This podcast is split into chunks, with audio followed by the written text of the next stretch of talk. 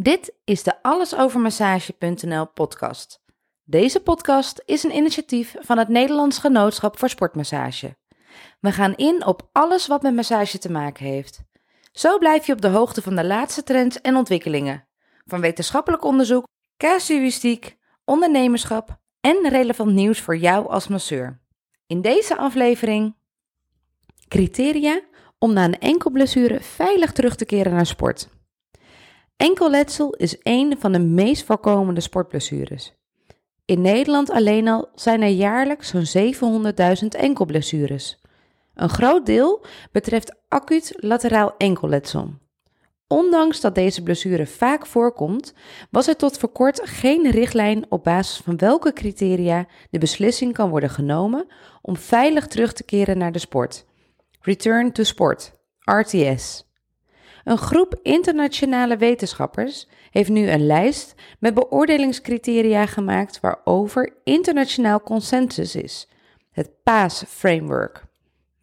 Bewegingswetenschapper van het Amsterdams UMC, Evert Verhagen, was een van de 25 betrokken onderzoekers uit onder andere Denemarken, de VS, Australië, het Verenigd Koninkrijk, Brazilië, China en Japan. Hij zegt dat het niet gek is dat er geen internationale consensus was over de criteria voor RTS. Hij zegt: Er wordt ten eerste vanuit de praktijk gehandeld. Iets werkt voor jou als behandelaar, dan blijf je dat doen. Logisch en zeer effectief, maar daardoor zie je minder snel innovatie. Daarnaast is het onderwerp vrij lastig te onderzoeken, zegt Evert. Om te kunnen beoordelen of je iemand op een goede manier terugbrengt op het veld, moet je als behandelaar twee dingen weten, zegt hij. Ten eerste moet er geen letsel meer zijn.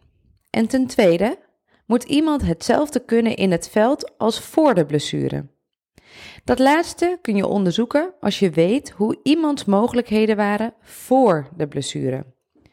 Om voor en na te kunnen vergelijken heb je een aantal casus nodig het liefste minstens 20, die volgens een bepaald protocol behandeld en beoordeeld zijn. En dan natuurlijk net zo'n grote groep met dezelfde blessure, die niet volgens protocol is behandeld, zodat je kunt vergelijken. Als je bedenkt dat in een sport als volleybal ongeveer 1 op de 10 spelers in een seizoen acuut lateraal enkelletsel oploopt, dan krijg je te maken met zo'n grote groep die je aan het begin moet testen. Dat is ondoenlijk. Daarom hebben Evert en zijn collega's het anders aangepakt. Zij hebben een groep van 155 internationale experts, vooral sportartsen en fysiotherapeuten die op dagelijkse basis met topsporters werken, benaderd om mee te doen aan een onderzoek volgens de zogenaamde Delphi-methode. Dat is een onderzoek waarin je veel mensen met verstand van een onderwerp heel breed vraagt naar wat ze zouden doen. Van de uitkomst maak je een samenvatting en dan ga je weer terug naar diezelfde mensen en kunnen ze opnieuw zeggen wat ze ervan vinden en eventueel aanvulling geven. En zo doe je dat een paar keer, tot iedereen zegt: Hier zijn we het mee eens, zegt Evert. Op die manier is consensus bereikt over 16 elementen waar je op zou moeten letten bij de beslissing of iemand weer volledig kan sporten na acuut lateraal enkelletsel. Trainingen, en wedstrijden spelen zonder beperkingen. Deze 16 elementen zijn samen gegroepeerd in vijf categorieën die samen het PAAS-framework vormen. Zij vormen geen vastomlijnend protocol, maar 16 punten waar je rekening mee moet houden. Hoe je uiteindelijk die afweging maakt verschilt per situatie, sport en persoon. Voor een topsporter die kampioen kan worden, kan de afweging anders uitvallen dan voor een mevrouw die over een stoeprandje is gestruikeld en zelf weer boodschappen wil doen. Een belangrijk onderdeel van het PAAS-framework is de inbreng van de atleet zelf, vertelt hij. Hoe de sporter zichzelf voelt, wordt nog wel eens vergeten.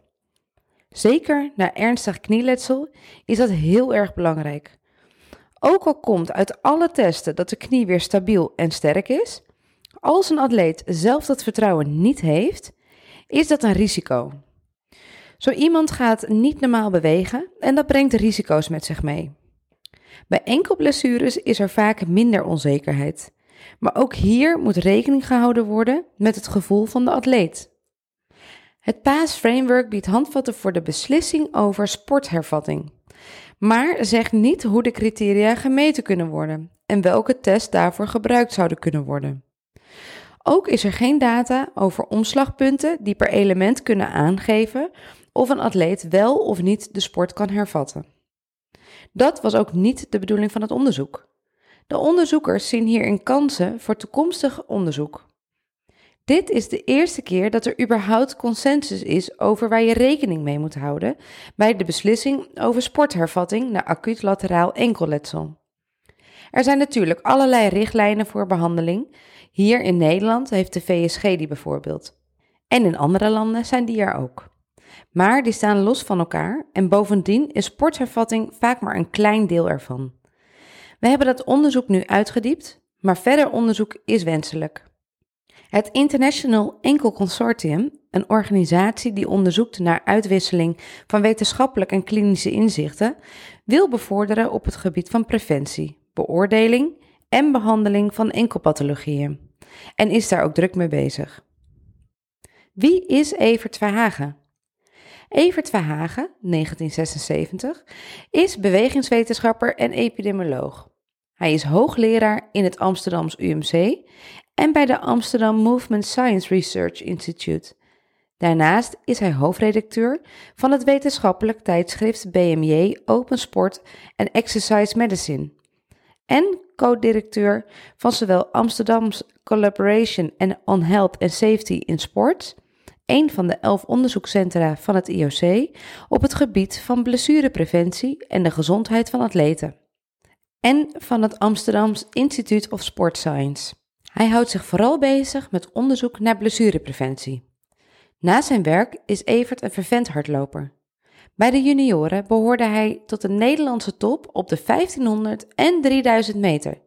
Tegenwoordig loopt hij vooral ultramarathons en meerdaagse wedstrijden. Bedankt voor het luisteren.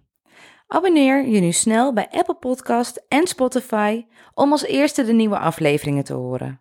Tot de volgende keer.